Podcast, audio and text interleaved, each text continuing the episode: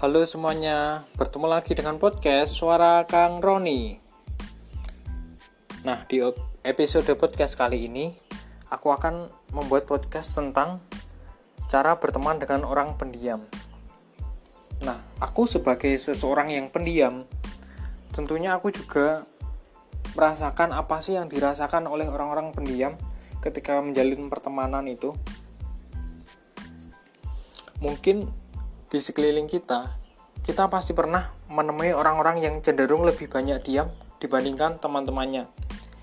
Di saat teman-temannya tuh bisa ngobrol A sampai Z, orang itu hanya ngobrol A sampai E.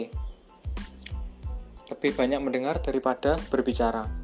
Di saat teman-temannya bisa tertawa ngakak sampai guling-guling, dia hanya tersenyum tipis atau tertawa pelan di saat teman-temannya itu selalu memiliki tema obrolan, dia hanya memilih tema-tema tertentu saja. Dia menjadi pendengar yang sangat baik untuk setiap cerita teman-temannya. Nah, itu adalah orang yang pendiam. Dan selama ini muncul anggapan kalau orang pendiam itu tidak bisa bergaul. Orang pendiam itu ansos atau antisosial orang pendiam itu tidak bisa bicara dengan lancar dan berbagai anggapan-anggapan negatif yang sayangnya itu seolah menjadi kelemahan paten dari seorang pendiam. Padahal tidak selalu seperti itu. Orang pendiam itu bukan ansos, bukan antisosial. Mereka juga bisa bergaul dengan orang lain. Hanya saja mereka itu butuh waktu untuk bisa beradaptasi dengan lingkungannya mungkin ketika baru pertama kenal mereka akan lebih banyak diam akan lebih banyak mendengar. Mereka tidak langsung menanggapi setiap hal yang kita ucapkan. Tapi percayalah ketika mereka sudah akrab banget sama kita sudah nyaman banget sama kita mereka akan menjadi orang yang terbuka. Bahkan mereka bisa jauh lebih banyak bicara daripada kita Terus yang kedua, orang pendiam itu sangat menjunjung tinggi sebuah privasi. Jadi, biasanya kita itu suka ngobrol segala hal, termasuk hal-hal privasi, termasuk hal-hal rahasia, hal-hal yang belum pasti. Sedangkan bagi orang pendiam itu adalah hal yang sangat dilarang karena tidak ada di dalam kamusnya orang pendiam itu mengobrol sebuah privasi kecuali kepada orang-orang yang benar-benar banget dipercayai. Jadi ketika kamu bergaul dengan seorang pendiam, jangan terlalu kepo dengan kehidupan dia. Jangan terlalu mengorek privasinya karena itu akan membuatnya tidak nyaman dan bisa-bisa dia itu menjauh dari kita.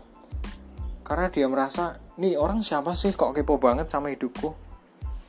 Nih orang siapa sih kok terlalu mencampuri kehidupanku? Jangan sampai mengorek privasi atau membuat mereka tidak nyaman.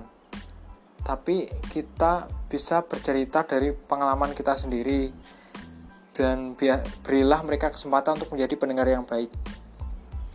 Karena siapa tahu dari cerita-cerita yang kita ceritakan kepada mereka, mereka itu punya pengalaman yang sama dan mereka akan menanggapi, oh iya aku juga pernah lo punya pengalaman kayak gitu.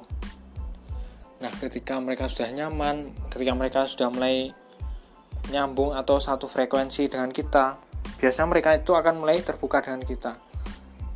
Mereka mulai percaya untuk menceritakan sesuatu kepada kita, dan saat itulah kita akan menjadi seseorang yang berharga baginya. Jika hal itu sudah terjadi, maka jagalah kepercayaan itu. Jangan sekali-kali membuatnya itu merasa tertipu. Jangan membuatnya merasa salah dalam mempercayai orang karena Hal itu bisa membuatnya tidak nyaman dan menjauh dari kita.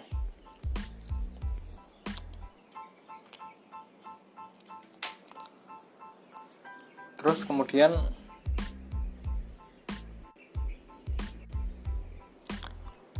Terus kemudian biasanya orang diam itu suka membaca buku, suka menulis ataupun hal-hal yang dilakukannya secara sendirian. Jangan mengkritiknya, jangan menyalahkan.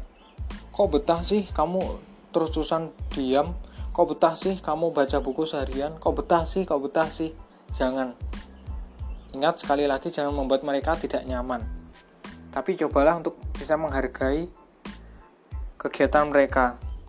Ketika mereka me time atau menyendiri dengan kegiatan mereka sebenarnya mereka itu sedang mencarger diri atau mengisi ulang energinya karena energi mereka itu akan cepat habis ketika bertemu dengan banyak orang dan energi mereka akan cepat terisi ketika mereka hanya bertemu dengan sedikit orang atau ketika sedang sendirian.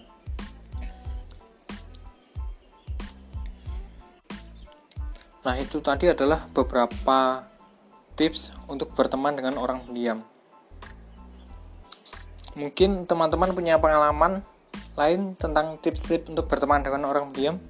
Boleh loh sharing-sharing Semoga bermanfaat ya. Sampai ketemu di podcast selanjutnya.